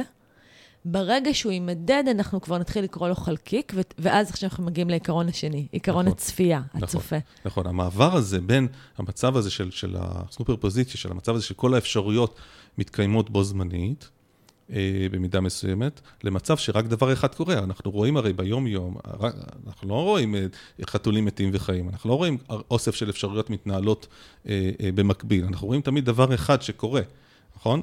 אה, ולכן, יש איזשהו מעבר בין המצב הקוונטי הזה, הסופר פוזיציה של הרבה אפשרויות, לבין מצב של אפשרות אחת שמתממשת למציאות. שזה בעצם קריסת הגל. וזה הקריסה בדיוק. הקריסה הזאת, זה המושג הקריסה של תורת הקוונטים, שהגל האפשרויות קורס לאפשרות אחת. עכשיו, כשמסתכלים בנקודת מבט פיזיקלית, זה קורה בניסוי. כשאני עושה ניסוי, ואני מסתכל אני עוד לא מסתכל, יש לי אוסף של אפשרויות, אני יכול לחשב באמצעות הפיזיקה, אה, משוואת הגל, אני יכול לחשב מה עם האפשרויות ומה ההסתברות שכל אחת מהאופציות תקרה, ואז אני מודד, אז אני עושה את בעלת המדידה, ואז קורה דבר אחד ספציפי. והוא מתאים להסתברויות. פעם 20% יקרה זה, ו-30% יקרה זה, ו-50% יקרה ג', אוקיי? אבל האקט המדידה הוא זה שגורם בעצם לאוסף של אפשרויות לעבור ממצב של אוסף אפשרויות שלא, אף אחת לא מתממשת עדיין, לאפשרות אחת שמתממשת במציאות. ננסה להמחיש את זה, בעצם מה שאתה אומר זה שאנחנו, מה שגילו בעצם מדענים, זה שברגע שאני, נניח, לא מודדת בכלל, אז כרגע אותם חלקיקים קטנים מתנהגים כמו גל. נכון. ברגע שהנחתי מכשיר מדידה, נכון. עצם העובדה שאנחנו, הם, יש מתצפת, נכון. הם הופכים להיות חלקיקים. נכון. זאת אומרת, עצם העובדה שאני עכשיו מדדתי... חומר שגם נמצאים במקום ספציפי ומחזיק בתכונות ספציפיות. פה קרה הדבר הזה ש, ש, של מה שנקרא קריסת גל, שהוא הפסיק להיות פוטנציאל והפך להיות ממשי. בדיוק. זאת אומרת, העובדה שאני מדדתי, בעצם מעביר את זה לשלב הבא. שזה עכשיו, גילוי מרעיש. זה גילוי מאוד מרעיש, והוא הרבה יותר גרוע ממה שאנחנו אמרנו עכשיו, ותכף אני אסביר למה. אה, כי, כי אפשר להגיד, אוקיי, שמנו מכשיר מדידה. מכשיר המדידה בסוף, הוא, יש לו אינטראקציה פיזית עם, ה, עם החלקיק הזה, זאת אומרת, הוא מודד אותו. הוא צריך, החלקיק צריך לעבור דרכו. הוא צריך לגעת בו, הוא צריך להיות בו, ביניהם איזושהי אינטראקציה פיזית, כדי שבאמת הוא, הוא, הוא, הוא נוכל למדוד אותו. ואז האינטראקציה הפיזית הזאת בעצם גורמת לגל האפשרויות לקרוס מאוסף של אפשרויות לאפשרות אחת. זאת אומרת, יש פה פעולה פיזית שאפשר תיאורטית להסביר אותה, אה, וזה לא כל כך נשמע מאוד מוזר. עדיין, זה מאוד מעניין שיש אפשרויות קודם, ו- ו- וזה לא, וזה לא, אה, אין לו תכונות מובחנות וברורות לפני שמדדתי אותו, אבל עדיין, ברגע שביצעתי בעודה מדידה, אז, אז ברור, אז עכשיו עשיתי איזושהי פעולה פיזית על הדבר הזה שנקרא סופרפוזיציה, והחלקיק קיבל... זאת אומרת, אתה אומר שזה לא כל כך, אה, זה עדיין לא כל כך מרעיש, כי עצם. המדידה היא עדיין פעולה התערבות. בתוך נכון. איזושהי אינטראקציה פיזיקלית. נכון, בתוך המערכת הזאת הפיזיקלית, אני מבצע התערבות פיזית, מודד את החלקיק, כי אני מודד אותו פיזית, אני לא מודד אותו מרחוק. אני צריך משהו שיקרה כדי לראות אותו, כדי לדעת שהוא שם. אוקיי, יש איזה צפצוף ש, שצריך לצאת מהמכשיר מדידה, ואז בעצם האינטראקציה הזאת גורמת למשוואת הגל הזאת, לפסופרפוזיציה, זה לקרוס לאפשרות אחת. Mm-hmm. העניין הוא ש... אתה שווה נפש לגבי משהו שאותי מאוד הרגיש. נכון, אני יודע, כי אני כבר, אה, זה, זה, כי בגלל שאני יודע לאן זה הולך תכף, אז אני אוקיי. כבר, מבחינתי זה כבר, אה, זה כבר ברור, זה, זה כבר, קטן, אוקיי, זה לא דרמטי. עם זה אני יכול לחיות בשלום. אוקיי. אבל זה, זה נהיה יותר גרוע תכף. וזה בדיוק הדבר באמת הכי מרעיש, ואני חושב שהרבה אנשים גם לא יודעים את זה. בניסויים כאלה שעושים, אז נכון, אפשר לשים מכשיר מדידה, שהחלקיק יעבור דרכו, ואז אנחנו נדע בדיוק איפה הוא, ואז הוא, משוואת הגל קורסת. והחלקיק מתנהג כמו חלקיק, כבר, כבר לא כמו גל. אה, אבל אנחנו אה, יכולים לעשות ניסויים שבהם הידיעה שלנו איפה הוא יהיה, או המדידה של המכשיר הזה, היא בשיטת האלימינציה. זאת אומרת, אני יודע שהוא לא במקום א' וב', לכן בשיטת האלימינציה, אני יכול לדעת שהוא עבר בג', למרות שלא מדדתי אותו פיזית, לא נגעתי בו, לא, אף אחד לא עשיתי שם שום אינטראקציה עם החלקיק הזה. אני יודע בשיטת אלימינציה שהוא עבר שמה, כי הוא לא עבר באף אחת מהאפשרויות האחרות, אוקיי? Mm-hmm. Okay? ופה, בסיטואציה הזאת, הוא גם קורס. זאת אומרת, גם בסיטואציה שבה עצם הידיעה שלי איפה הוא, בלי שאני... וואו, בעצם ב... לא היה שם מכשיר מדידה. בדיוק. ולא הייתה כאן אינטראקציה פיזיקלית. נכון. אני רק יודע על דרך האלימינציה, נכון. כיוון שאני מודד משהו אחר, שככל הנראה הסתברותית, הוא נמצא, לא נכון. ככל הנראה, אפילו בוודאות, לא, הוא נכון? נמצא שם, הוא, הוא עבר שם. הוא עבר שם, ברגע והידיעה שאני... והידיעה הזאת גרמה לו לקרוס ולהפוך מהסופר פוזיציה, שהיא מרחב נכון, פוטנציאלי, נכון. למצב קונקרטי, נכון, ממשי. נכון. עכשיו, אנחנו כבר מכניסים פרשנות, שאנחנו עם הידיעה שלנו, ועצם זה שאני יודע, כן. וזה, פה אנחנו כבר מכניסים פרשנות, שהיא פרשנות מאוד ספציפית למה שסיפרתי עכשיו, אבל אם רגע נצא רגע מהפרשנות הזאת, ואנחנו נחזור אליה, אה, בסוף המערכת הזאת כולה, כל מערכת המדידה הזאת כולה, המכשירים השונים וזה, היא, היא בנויה בצורה כזאת, שמאפשרת לחלקיק הזה לקרוס מאוסף של אפשרויות לאפשרות אחת, מבלי שנגענו בו. Mm-hmm. בסדר? עכשיו, הדבר הכי קל זה לבוא ולהגיד, אוקיי, אז, אז מה, מה גורם לקריסה הזאת? אם אני לא מודד אותו פיזית, מה גורם לחלקיק הזה לעבור מאוסף של אפשרויות לאפשרות אחת ספציפית? עם שום דבר, אין שם אינטראקציה פיזית אמיתית. וזה החידה הכי גדולה של תורת הגול, לדעתי. שרגע, שלפני שאנחנו מגיעים לעוד איזו חידה, חידה לא, כן. לא, לא, לא מינורית, אז בעצם כשדיברת קודם, כשדיברנו על דטרמיניזם מול ליברטניזם, אמרת שבאמת מי שמחזיק בתפיסות אה, חופש כאלה, אה, נסמך על תורת הקוונטים במחשבה שכגורם הוא יכול לייצר את המציאות. זה, זה הנקודה שבה אנחנו כן, נסמכים על התיאוריה כן, הקוונטית, כשאנחנו מדברים על נדבר על זה, אני מדבר על זה כי זו נקודה מאוד משמעותית, והיא מתחברת, ו- ו- ו- וזה נראה מאוד טבעי לקחת את ה... אה, שוב, אני חוזר לידיעה הזאת, שמשפיעה על מה שקרה ב- לחלקיק, עצם הידיעה. זאת אומרת, אם עצם הידיעה שלי, אז כבר יש לי פה, אני מכניס פה איזשהו מרכיב לתוך המערכת הזאת, שאני מכניס אותי כ- כבעל אה, ידיעה, כבעל תודעה. מכניס את עצמי לתוך המערכת הזה, ואם אני מכניס לתוך המערכת המורכבת הזאת, ואם אני מכניס את עצמי, אז, אז כנראה שיש לי השפעה שהיא מעבר לצד הפיזי, זאת אומרת, mm-hmm. השפעה של מה, מה הולך לקרות. ואז אם אני משפיע, אז אני יכול בעצם להשפיע על המציאות. אני יכול לבחור, אני יכול ליצור מציאות, אני יכול לגרום, יש השפעה בין הידיעה שלי לבין מה שקורה בפועל. והחיבור הזה הוא החיבור שלוקחים אותו אה, למקום שאנחנו נדבר עליו, של, אה, שתורת הקוונטים היא יש בה מרכיבים שאפשר להשתמש בהם כדי לנסות לבנות הסבר לבחירה חופשית. Mm-hmm. ההסבר שלא מצאנו אותו עד עכשיו, לא בתפיסות הפיזיקליות ולא בתפיסות הפילוסופיות ובעיית הגוף והנפש שדיברנו עליה, של איך, אם זה גוף ונפש, אז איך זה משפיע. אה, אבל לפני זה, כי אנחנו, עם זה אנחנו, זה, זה נקודה הכי חשובה, ובעצם אני מוביל לשם, אנחנו, המטרה היא זה לדון בזה, כי אנחנו בעצם דנים בבחירה חופשית. אנחנו צריכים רגע לעצור ולהגיד. אז אנחנו, יש לנו בעצם, אנחנו מזהים במציאות שלושה גורמים משמעותיים. אחד זה אפשרויות, אוסף של אפשרויות, נכון? אנחנו מזהים פעולה של מדידה, של צפייה, שמעבירה את אוסף האפשרויות האלו לדבר אחד שהוא ממשי, שאותו אנחנו פוגשים בפועל. וזה שלושה מרכיבים של המציאות שאנחנו צריכים עכשיו להסביר, ואנחנו צריכים אולי להיעזר בהם כדי לתת הסברים נוספים, כמו למשל לבחירה חופשית. אמ, עכשיו, צריך להבין פה משהו מאוד מעניין, ואני, וזה משהו שאני מאוד מאמין בו. אמ, אני חושב שכשאנחנו חושבים על אפשרויות, אנחנו חושבים על משהו ארטילאי. זאת אומרת, יש לנו אוסף, למשל יש עכשיו אוסף אפשרויות, שאני אמשיך לדבר, יש אפשרות שאני אקום ויצא מהחדר, יש אפשרות שאנחנו אה, אה, נסגור את המיקרופון, נעשה רגע עצירה, נשתה, נשתה איזה תה ו... או, שת, כך, או שתתחיל לשיר. יש הרבה מאוד, או שאני אתחיל לשיר, או שאני, או שאני אתחיל לעוף פתאום. זאת אומרת, יש כל מיני, יש אוסף של אפשרויות שיכולות לקרות mm-hmm. בסיטואציה הספציפית הזאת שאנחנו נמצאים בה. האפשרויות האלה מבחינות האפשרויות ארטיליות, הן לא באמת קיימות, זאת אומרת, זה משהו שיכול לקרות, אנחנו לא באמת מייחסים לזה איזושהי קיימות במציאות, איזשהו קיום, אנחנו מייחסים לזה משהו ארטילאי עתידי שיכול לקרות ואין לו שום משמעות כרגע מבחינה פיזית. אני חושב שתורת הקוונטים אומרת לנו משהו על הדבר הזה, שהוא לא נכון. שיש משהו אה, פיזי באפשרויות. זאת אומרת, האפשרות היא לא איזה משהו ארטילאי שלא קיים, יש לו קיום, אבל מסוג אחר. לא מסוג הקיום שאנחנו רגילים להגיד לו, הנה, זה ספר שנמצא פה מולי, או את נמצאת מולי. קיום של ענן קיום, כזה? כן, יש, כן, זה קיום אחר, סוג של קיום שהוא הוא פח, פחות, או לא, זה לא עניין של היררכיה, אבל כן, זה קצת פחות מהקיום הרגיל, אבל הוא קיום מסוג שונה, אבל יש, אבל הוא פיזית, יש שם משהו. כי אם האפשרויות האלו, יש משהו, יש, אני יכול להגדיר מה... אתה מה אומר הס... פיזי, כי בעצם, אם אני מנסה רגע לתרגם את זה לפיזיקה שאתה בא ממנה, אתה אומר פיזי, כי בעצם במצב הסופר פוזיציה הוא מצב פיזי, זה באמת בדיוק, גל, זה, לא, בדיוק. לא, זה לא שאין שם כלום, גל ש... יש שם משהו שאפשר... של, שאנחנו עושים איתה אינטראקציה פיזית, היא קורה לה משהו. Mm-hmm. עוברת ממצב של גל למצב... יש פה... זה לא כלום, זה לא ריק. בדיוק, זה לא okay. אוקיי. משהו שהוא עתידי ארטילאי, זה משהו שיש שם, הוא חלק מההסבר הפיזיקלי. יש משוואה שמסבירה איך הדבר הזה מתנהג. זאת אומרת, יש פה משהו שהוא מעבר לתפיסה הרגילה שלנו של אפשרויות, ואנחנו צריכים לזכור את זה, כי אני חושב שזה גם אה, מרכיב אה, משמעותי בהסבר הבא, אה, שאנחנו, אני מקווה יום אחד נגיע אליו, ואני אנסה להציע פה איזה משהו.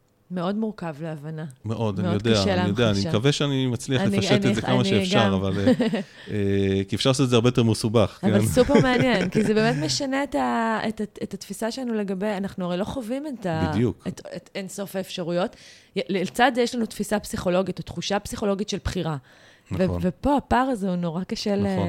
אני חושב שתורת הקוונטים פתחה לנו, אתה יודע, את החור המחילה הזה שמדברים עליו, על הרביטול הזה, שאנחנו פתאום נכנסנו לאיזה עולם שהוא קיים שם ולא לא היינו מודעים אליו, ופתאום הוא משנה לחלוטין את כל התפיסה שלנו, כי, כי זה לא מתחבר עם שום דבר שאנחנו חווים ביום-יום, אבל זה שם, וזה שם מאוד חזק. זאת אומרת, אנחנו בואו נגיד, אני לא רואה מישהו שיפריך לחלוטין את תורת הגבלת, אולי ישפרו אותה, היא תהיה יותר מיוקצת ותתן הסברים לדברים שבהם אנחנו פחות יודעים, אבל אנחנו יודעים בגדול שככה מתנהגים חלקיקים, אה, וזה מרתק. אה, אז אנחנו בעצם נמצאים בסיטואציה שבה יש לנו אוסף של אפשרויות, אנחנו כבר מבינים שעצם הידיעה שלנו, ואני כן אשתמש במילה ידיעה, אה, משפיעה במידה מסוימת על המציאות. על המציאות. אה, וצריך פה לעשות רגע, לפתוח סוגריים. התפיסה הזאת של מדידה, ואיפה פעולת המדידה משפיעה על המציאות, היא תפיסה שיש לה הרבה מאוד פרשנויות. אני חושב שחלק גדול מהפרשנויות לתורת הגוונטים, יש כמה פרשנויות לתורת הגוונטים מאוד מפורסמות, אה, הן באות להסביר בעיקר את זה. זאת אומרת, איפה, איפה בעצם עובר, איפה, מתי זה קורה, המעבר הזה בין אפשרויות ל, ל, לממשי, והפער הזה בין הקוונטי לעולם המקרוסקופי, אה, אנחנו לא באמת יודעים. אין באמת הסבר היום שהוא בקונצנזוס, שכולם מסכימים עליו, ממש לא, רחוק מזה, אבל יש הרבה מאוד אפשרויות שמנסות להסביר את זה בצורות מאוד מאוד יפות. אה, אחת האפשרויות שהתפתחה בשנות ה-50 וה-60, אה, באה להגיד שבעצם מה שמשפיע על המעבר הזה שבין האפשרות לממשי, זה התודעה האנושית. אה, או התודעה, לא, לא נגיד האנושית, כי אנושית זה כבר אולי משהו ספציפי בתוך כן. המילה הזאת, תודעה. אה, זאת פרשנות מאוד מאוד ספציפית, היא כמובן, היא לא בקונצנזוס של העולם המדעי והפיזיקלי, אתם יכולים אה, לתאר לעצמכם, כי, כי המדע מאוד רחוק מלהכניס את התודעה לתוך תהליכים פיזיקליים. למדוד את זה, להגדיר את זה, להגדיר להבין את זה בדיוק, מה זה. ובכלל, בתודעה, זה כמו חלקיק או כמו זה, זה מושג שהוא, אנחנו כבר מביאים איתו המון תוכן כשאנחנו משתמשים בו. ואני לא בטוח שיש מישהו שבאמת יודע להסביר מה זה תודעה. בואו בוא גם נהיה צנועים בעניין הזה. זאת אומרת, כן. יכולים להשתמש הרבה במילה תודעה, ידיעה, אה, נפש whatever, אה, אבל באמת אף אחד לא באמת יודע להסביר מה זה. אה, אבל זה בטח לא נכנס כמרכיב בתוך המשוואות הפיזיקליות. ולכן הפרשנות הזאת היא פרשנות שמאוד לא מקובלת בעולם הפיזיקלי, אבל uh, היא פרשנות ש... שהולכת ומתחזקת עם השנים בגלל כמה סיבות. א', כי מאוד קל לנו להתחבר אליה. ב', בגלל כל הטרנד האנושי במאה השנים האחרונות, עם החיבור למזרח של התפיסות הרוחניות, נקרא להן, אני עוד פעם מאוד, במרכאות, כי אני לא אוהב את המילה רוחנית, כי זה לא, לא באמת רוח, יש פה משהו שהוא הרבה מעבר, שלהגיד רוחני זה, זה להקטין את התפיסות האלה, mm-hmm. שבאמת, ומסבירות, אה, אה, ההסבר שלהם על העולם, מאוד מתחבר לפרשנות הזאת של תורת הקוונטים. ואני אסביר, אה, אסביר למה אולי. Mm-hmm. כי בעצם, אה, אם באמת עצם הידיעה שלנו, וזאת הפרשנות אומרת, משפיעה על החלקיק הפיזי הזה, אז יש פה עוד מרכיב בתוך המערכת הזאת, שהוא חלק מה, מהתהליך כולו. והוא, ויש אינטראקציה כלשהי בין המרכיבים הללו, שמשפיעה על איך הדברים מתפתחים, ואיך הדברים, ומה קורה, מה יקרה בשלב הבא. וכשאנחנו מכניסים את התודעה לדבר הזה, אנחנו צריכים עכשיו להסביר, רגע, קודם כל, מה זה תודעה, כן. ואיך תודעה בדיוק אה, משפיעה על העולם הקוונטי, אה, ובאמת, האם יש לתודעה בחירה במה יקרה, או לא. זאת אומרת, יש פה הרבה שאלות גדולות ש, ש, שצריך עדיין להסביר אותן. יש אנשים שמנסים, אה, אפילו ברמה פיז... מדעית, לעשות את הניסיונות הללו. יש אה, בחור מאוד מפורסם בשם דוקטור רדין, שכתב כמה ספרים, שבעצם אה, עושה ניסויים אה, של ניסיונות של השפעה מרחוק על ניסוי קוונטי. זאת אומרת, של, בן אדם יושב בחדר, איפשהו בארצות הברית. מפעיל את המחשבה מאות, שלו? כן, מאות אה, קילומטרים מבצעים ניסוי קוונטי, או בונים מערכת קוונטית. והוא צריך להתמקד עכשיו בניסיון שלו להשפיע על הדבר הזה מרחוק, ורוצים לראות האם באמת יש השפעה עכשיו, הוא טוען אה, שיש, הוא רואה משהו, עדיין הוא מאוד שולי, מאוד זה, לדעתו יש לזה משמעות שכבר אפשר להתייחס לזה בצורה מדעית, כי יש לזה רמות מסוימת של, אה, של אה, תוצאות אה, של ניסוי, שאף פעם לא חד משמעי, זה תמיד משהו איפשהו, אז צריכים להגיד האם זה מספיק... חד... סטטיסטית. כן, סטטיסטית, האם זה עבר את הסף, כן. שאנחנו יכולים כבר להתייחס לזה ברצינות, או שזה עדיין אה, רעשי רקע. הוא כמובן טוען שזה משהו אה, כבר מעבר, למרות שזה מאוד מאוד שולי עדיין, אבל כמובן שרוב העולם המדעי לא מתייחס אליו אה, ברצינות, צריך להגיד את זה. אה, אבל זה שמה, זאת אומרת, הניסיון הזה להסביר למה, כי אנחנו לא יודעים להסביר, איך זה, איך, כן. איך אנחנו, באמת, איך המערכת הקוונטית... אולי צריך להגיד את זה, אני, אני חושבת, אני מנסה, ת, תעזור לי כאן. יכול להיות שכרגע עולם הפיזיקה, בהקשר הזה, שבאמת הפער ש, mm-hmm. שנמצא בין uh, תורת uh, יחסות לבין uh, תורת הקוונטים, נמצא באיזשהו שלב אה, פר, פר, פרדיגמטי. זאת אומרת, עדיין אנחנו מחפשים איזושהי פרדיגמה שתיכנס במרכאות בשערי המדע. חד משמעית, יש פה איזה משהו שאנחנו עדיין לא יודעים אה, לחבר אותו, לבנות אותו כהסבר אחד שלם. ועכשיו יש כל מיני ניסיונות, בדיוק. בכל מיני זירות, שעוד לא קיבלו את התיקוף. ה... עכשיו, יש ניסיונות שהן יותר מדעיות, יותר קל למדענים ללכת ולנסות לחפור שם ולהשתמש בזה כדי לנסות למצוא את זה. יש ניסיונות, כמו להכניס את התודעה לעולם הפיזי, שלמדען אה, לאיש מדע בעולם הפיזיקה, זה מאוד מאוד קשה. כן. אמ, אבל אני חושב שאולי אנחנו צריכים, אה, ופה ננסה אולי כבר ללכת לכיוון שאולי של, ה, של הפתרון, אה, אולי, אולי אפשר לנסות להתחיל לבנות פה איזשהו אה, הסבר, ש, ש, שיהיה גם למדענים יותר קל לחיות איתו, לפחות בעתיד, לא כרגע, אה, וגם אה, למי שמחפש את הצד הזה של, אה, של התודעה בתוך העולם הפיזיקלי, זאת אומרת, בתוך... בתוך הניסיון שלנו להסביר את איך אנחנו מתנהלים בתוך המציאות ואיך התודעה יש לה השפעה על הדבר הזה. למשל, בבחירה, אוקיי? בחירה חופשית. כי בסוף אנחנו בתודעה שלנו רוצים לבחור איזושהי בחירה, אנחנו בוחרים אותה, וזה אמור להשפיע על המציאות, בפעולות שלנו ובכלל. אמ, אה, ופה יכול להיות שאנחנו צריכים ללכת למקום אה, חדש, שהוא גם יש בו מרכיבים ישנים קצת. ולבנות יחד עם מה שאנחנו יודעים היום איזשהו הסבר נוסף. חדש. כן. יכול להיות שמה שצריך להגיד אולי זה שבאמת, כתוצאה מתורת הקוונטית, הנוקשות הדטרמיניסטית נפגעה. מצד שני, עוד לא תוקפה הבחירה החופשית. לחלוטין לא. זה עוד לא קרה בעצם. נכון. ואנחנו אולי לא ניכנס ללמה, באמת זה קשור בעובדה שזה אקראי, ושעוד לא, לא הצלחנו לאשש את העובדה שהידיעה שלי, המודעת, יכולה באמת להשפיע על המציאות. נכון, או צריך... על התוצאה הספציפית שאני מקווה לה. אנחנו כן יודעים להגיד שיש איזושהי, אולי השפעה ליד... לסוג ידיעה מסוים על התוצאה, בלי שאני יודעת לנבא אותה מראש. כן, כי... אז, אז אני אסביר רגע למה, איפה יש קושי עם החיבור הזה של תודעה עם תורת הקוונטים. ואחר כך בכל זאת ננסה למצוא לזה איזה פתרון. כי, כי דיברנו על עניין של הסתברויות ועניין של אה, אקראיות אה, שקורית בתורת הקוונטים. זאת אומרת, אני, כשאני מודד מערכת קוונטית, אז אה, לא יכול לקרות כל דבר, בגדול. יכול לקרות אוסף של דברים בהסתברות מסוימת. Mm-hmm. אה, עכשיו, כדי לקחת את זה ולהסביר באמצעות זה בחירה חופשית, זה קצת קשה, כי בחירה צריכה להיות פתוחה, היא לא יכולה להיות הסתברותית. כן. אם אני כל פעם אבחר וזה יהיה 20 אחוז זה, 30 אחוז, 40 אחוז, אני, אני מוגבל בהסתברות ואני באמת לא בוחר, אני לא באמת בוחר, אני תמיד מוגבל בהסתברות. ו, ולכן זה, פה זה הקושי האחד של החיבור בין תורת הקוונטית שהיא מאוד הסתברותית לבין הרצון שלנו להשתמש בזה להסבר לבחירה חופשית.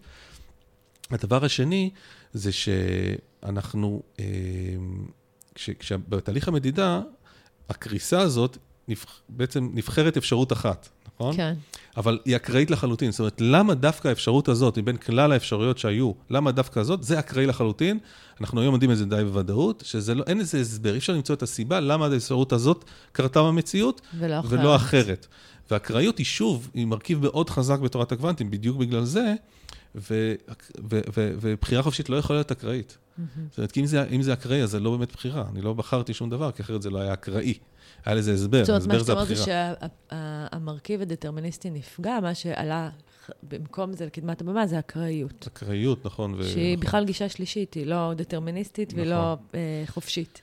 נכון, למרות ששוב, גם זה אפשר, אפשר עכשיו לנסות ולמצוא לזה, לנסות ו- ו- ולהתעלם רגע מהאקראיות ולמצוא לה, גם לזה הסברים. אה, אבל אנחנו צריך, קודם כל נגיד, אנחנו לא שם. זאת אומרת, מה שתיארתי עד עכשיו זה בעצם מה שאנחנו יודעים עד היום. Mm-hmm. עכשיו, צריך להתחיל לנסות ולפתור את זה. יש בא, אנשים שבאים ואומרים, ובסרטים כמו בליפ וכמו אה, אה, הסוד, שזה לוקח את זה למקומות אחרים קצת, אבל אה, שבאים ואומרים, הנה, אתם רואים, יש פה תורת הקוונטים, אני בידיעה, התודעה משפיעה על המציאות, זה אומר בעצם שלנו יש אפשרות לברוא את המציאות, יש אפשרות להשפיע, ולכן אנחנו אה, חלק מהמערכת הזאת, ואנחנו יכולים להשפיע, ואנחנו יכולים אה, אה, לבחור איזה, מה יקרה ב, ברגע הבא, מה יקרה ב, במציאות שלנו אה, בכל שלב ושלב. Mm-hmm. אה, שזה אה, לקחת את הפרשנות של תורת הקוונטים של התודעה, ולקחת קצת לאקסטרים, כי, כי זה אנחנו... אנחנו עוד לא יודעים אם זה באמת נכון או לא, mm-hmm. אוקיי? אבל זה, זה נהדר וזה זה נורא, זה, זה, זה טוב לנו כ, כבני אנוש אה, להתחבר לזה, ולכן זה נוח. אה, כדי למצוא שם את התשובה לשאלה האם יש לנו באמת בחירה חופשית והאם אנחנו באמת אה, יכולים לברוא את המציאות. אני, שוב, בדעה שלי, אנחנו פה עדיין בבעיה. אנחנו עדיין בבעיה, אבל אני לא חושב שאפשר עוד ללכת לשם. הבעיה הגדולה היא גם של מה זה תודעה. האם תודעה זה משהו שהוא, שוב, אנחנו הולכים לכיוון של נפרד מהמציאות, זאת אומרת, איזה תודעה זה מעבר לגוף, זה מעבר לחומר, יש איזה נפש כזאת, כמו ש... אה, בוא נגיד בעולם הדתי יותר מאמינים, זאת אומרת, הנפש היא מעבר לגוף, היא לא חלק שזה לוקח חזרה לדואליות שהעלה דקארט. זאת אומרת, יש מצד אחד אה, איזשהו אלמנט במירכאות רוחני סלאש נכון. תודעתי, ויש מנגד עולם אחר שהוא עולם ממשי, עולם של הדברים עצמם. נכון, עולם החומר. שזו תפיסה אחת של, נגיד, תפיסה רוחנית. נכון, אחת. נכון, זו תפיסה okay. אוקיי. אחת רוחנית, שהיא יותר מתחברת לתפיסות הדתיות. אה, ואז אנחנו נתקלים בבעיית הגוף והנפש, כי איך, איך שני מרכיבים שהם שונים מאוד, הוא לא מרכיב, מרכיב שהוא לא פיזי, משפיעים אחד על השני. בדיוק, משפיע כן. על מרכיב פיזי, אנחנו לא יודעים uh, להסביר את זה, וזה מכניס אותנו לכל מיני בעיות קשות, פילוסופיות, שאנחנו לא מצאנו להן פתרון עד היום. Mm-hmm. והאפשרות השנייה, שתודעה אולי היא בכל זאת חלק מתוך המערך הזה, שאנחנו קוראים לו חומר. וזה לא צריך להמעיט ממנו. זאת אומרת, אומרים, אה, זה לא יכול להיות שתודעה זה רק חומר. יכול להיות שכן, וזה לא כל כך נורא. אה, אני אנסה להסביר למה. ופה אני מכניס קצת את כבר פרשנויות, אה, אה, גם מבוססות על תורת הקוונטים, וגם דברים שנאמרו, וגם דברים קצת שלי. שאני okay. אוקיי. כותב עליהם בספר של, שלי רשת, רשת הזמן. הזמן. Mm-hmm. ואני אחזור לשלושה מרכיבים האלה שדיברתם. יש את האפשרויות, יש את המדידה. ויש את הממשי, מה קורה בפועל. אני חושב שכל אחד מהמרכיבים האלו הוא מרכיב פיזי. הוא קיים במציאות. יש לו קיום כחלק מהמערכת הפיזיקלית, כחלק מהמערכת ה... אה, שאני משתמש במילה חומר. אה, אני לא חושב שיש מרכיב שהוא מרכיב אה, של רוח או נפש שהוא מעבר לחומר. אני חושב שבסוף, אני חושב שזה גם, גם מתחבר לתפיסות uh, מזרחיות. אני חושב שדווקא בעניין הזה, כן. בדיוק, אני חושב שאני דווקא לא uh, מתרחק מה, מהעולם הרוח, העולם הרוחני, עוד פעם, נשתמש במילה הזאת, אה, כי גם במזרח מדברים על אחד, נכון. מדברים על משהו שהוא לא, לא, לא עושים הפרדה בין רוח לבין אה, חומר, אלא זה, זה, זה אחד שהוא, שהוא הכל. אה, ו, ואני חושב שיכול להיות שאנחנו צריכים למצוא את התפיסה הזאת בתוך ההסבר הפיזיקלי. איך? באמצעות זה שבעצם אנחנו באים ואומרים, קודם כל האפשרויות זה, אנחנו כבר מבינים שיש להם איזשהו קיום, יש להם איזשהו מרכיב פיזיקלי קיים. נכון? אז אנחנו כבר יודעים שהאפשרויות זה לא איזה סתם משהו ארטילאי, זה משהו שכבר אפשר להכניס אותו לתוך המשוואות. אנחנו uh, יודעים שהממשי כמובן שהוא חלק כמובן, אבל עד כמה שאפשר, אפשר, הכל חומר, הכל רוח, הכל, הכל uh, אשליה, זה גם אפשר לבוא ולהגיד, ויש אנשים שאומרים את זה, אבל אני אומר, הממשי לפחות זה איזשהו משהו שיש לו קיום, יש לו, יש לו קיום במציאות. Uh, השאלה איפה המדידה הזאת, ואם כן נלך לכיוון של תודעה וידיעה, אה, מה זה, אז מה זה תודעה ואיך אני מכניס את התודעה לתוך המערך הזה כחלק מהתפיסה הפיזיקלית, כחלק מהתפיסה של החומר. ויכול להיות, ואני מאמין בזה יותר ויותר, אה, שמה שאנחנו קוראים תודעה, קיים בחומר. זאת אומרת, הוא קיים שם בכל דבר. מהחלקיק הכי בסיסי. זאת אומרת שהחלקיק הכי קטן מחזיק באיזשהו, בתודעה. בתודעה, אנחנו לא, לא, נכון. לא, לא כמו שאנחנו מבינים את זה אולי ברמה בדיוק, הכי מיידית שלנו. בדיוק, בואו נרצה לעצור על זה. אבל תודעה היא משהו אימננטי מתוך, בתוך טבע הדברים. נכון, אני רוצה רגע לעצור על זה, כי עוד פעם, כשאני אומר תודעה, ישר אנחנו חושבים על התודעה שלנו ועל המחשבות שלנו, ועל ה, על ההסתכלות על העולם ועל המוח האנושי. אנחנו חושבים על תודעה גבוהה. זהו, אז כן. זה לא תודעה גבוהה, לא כלום, זה כן. מרכיב שקיים בחומר. כשהוא בחלקיק, הוא, הוא, הוא לא, לחלוטין לא מה שאנחנו חווים כתודעה, זה משהו אחר לחלוטין, אוקיי? הוא קיים שם, הוא חלק מהחומר, זה איזושהי תכונה שיש לחומר. זה לא שהחלקיק חושב ורואה אותנו ומקבל החלטות, אוקיי? זה לא מה שאני אומר. למרות שיש כאלה שגם אומרים את זה. אה, זה לא מה שאני אומר, אני אומר שיש בו משהו מרכיב. עכשיו, המרכיב הזה, כשהוא בחלקיק אה, אחד, אז הוא, אין לו הרבה משמעות מבחינת התכונות שהוא נותן לחלקיק. שלוקחים הרבה מאוד חלקיקים, הרבה מאוד תכונות כאלו, פתאום מתפתח משהו חדש.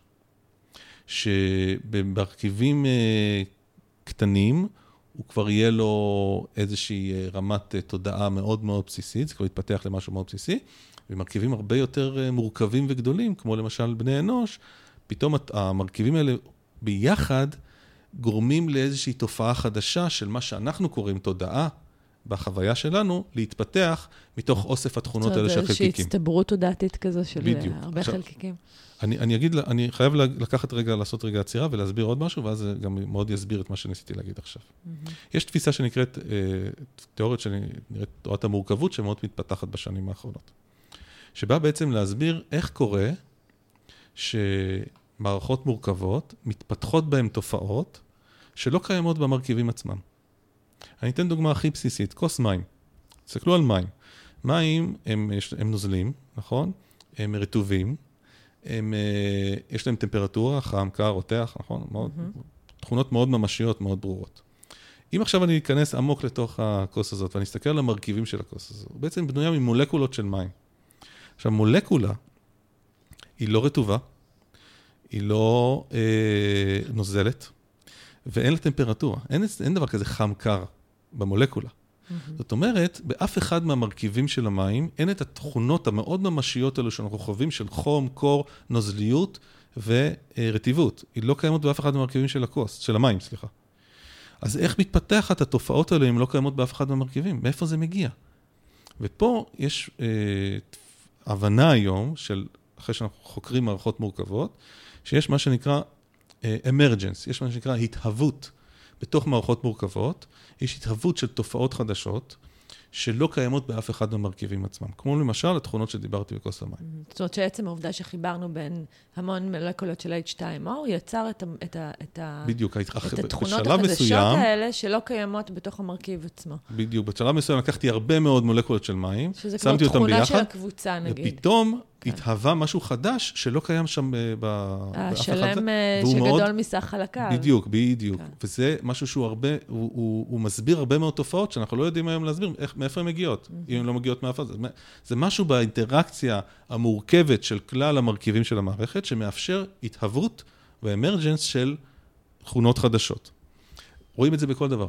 רואים את זה בקהילה, רואים את זה בכביש, בפק... איך מתהוות פקקים, איך... אה, איך אה, אה, גוף האדם והתאים יוצרים יחד משהו שנקרא חיים, ואיך אה, אולי מרכיבים במוח שלנו, שאין באף אחד מהם תודעה, פתאום ביחד יוצרים אמרג'נס של תודעה, ואולי זה גם נסביר איך חלקיקים שיש בהם מרכיב מסוים, שאנחנו יכולים לקרוא לו תודעה, יש מרכיב שהוא לא באמת תודעה כמו שאנחנו חווים, אבל כשלוקחים הרבה מאוד חלקיקים ביחד, פתאום מתהווה תופעה חדשה שקוראים לה תודעה. אבל היא מתהווה, היא מתהווה מתוך הפיזי. היא מאוד ממשית, היא מאוד אמיתית. מעניין. וזה הסבר היא... שלך, אלון? אני חושב שזה, אני חושב שאנחנו צריכים ללכת לכיוון הזה. זה הסבר אבל שאתה הבאת? זה, זה, זה, זה, זה חיבור שאני עושה, אני, חושב, אני לא יודע אם עשו אותו במקומות אחרים, mm-hmm. אבל זה חיבור שאני עושה אותו, בגלל שאני מתעסק גם בעולם הקוונטי וגם בעולם של, של, של תפיסות אה, של תורת המורכבות, אני חושב ש, ש, שהחיבור הזה מאוד מאוד מעניין. Mm-hmm. כי אני חושב שאנחנו יכולים פתאום להבין שמה שאנחנו רואים במערכות מורכבות בטבע, יכולים, יכול לתת לנו הסבר למה שאנחנו מחפשים כתפיסה של תודעה, שהיא לא משהו שאלוהים חיצוני. נגע בנו והכניס אותו... הוא לא משהו חיצוני אל... לחומר, בדיוק, אלא חלק מתוכו. משהו שמתהווה מתוך החומר, כן. אבל הוא מאוד ממשי, הוא לא אשליה. כן. הוא לא סתם משהו. מעניין. כי כשאני אומר, כשאני אומר טמפרטורה, שבו, אה, מים רותחים זה הדבר הכי אמיתי. כל מי שנגע במים רותחים יודע שזה אמיתי לחלוטין. אבל זו תופעה שהתהווה מתוך משהו שזה לא קיים שם. זאת אומרת, יכול להיות שתודעה... קיימת בצורה מסוימת, או ברמה מסוימת, או באיזושהי תכונה מסוימת, בכל אחד מהמרכיבים של החומר, ואנחנו חווים את, את זה במידה מסוימת בתורה הקוונטית, אבל מה שאנחנו חווים כתודעה של המחשבה וההסתכלות והתפיסה וההבנה והיכולת בחירה, היא תופעה שמתהווה מתוך החומר, רק כשיש באמת הרבה מאוד מרכיבים כאלה שמתנהלים באינטראקציה mm. אחד עם השני. אתה יכול לקחת אותנו צעד קדימה לכיוון של שזירה קוונטית, כדי שנרוויח עוד אה, מושג? כן. אה, שזירה קוונטית היא אה, מושג מאוד מאוד מורכב, ועוד יותר מסתורי. אני, אני אשתדל גם כן לפשט אותו כמה שאפשר, כי אין לנו באמת הסבר לדבר הזה, אבל הוא, הוא חלק ממה שאני אמרתי קודם, הוא חלק מההסבר שלי. גם בספר אני מדבר הרבה על שזירה קוונטית, כי אני חושב שהשזירה קוונטית ואמרג'נס, התהוות, זה שני המושגים שיעשו מהפכה בתפיסה האנושית.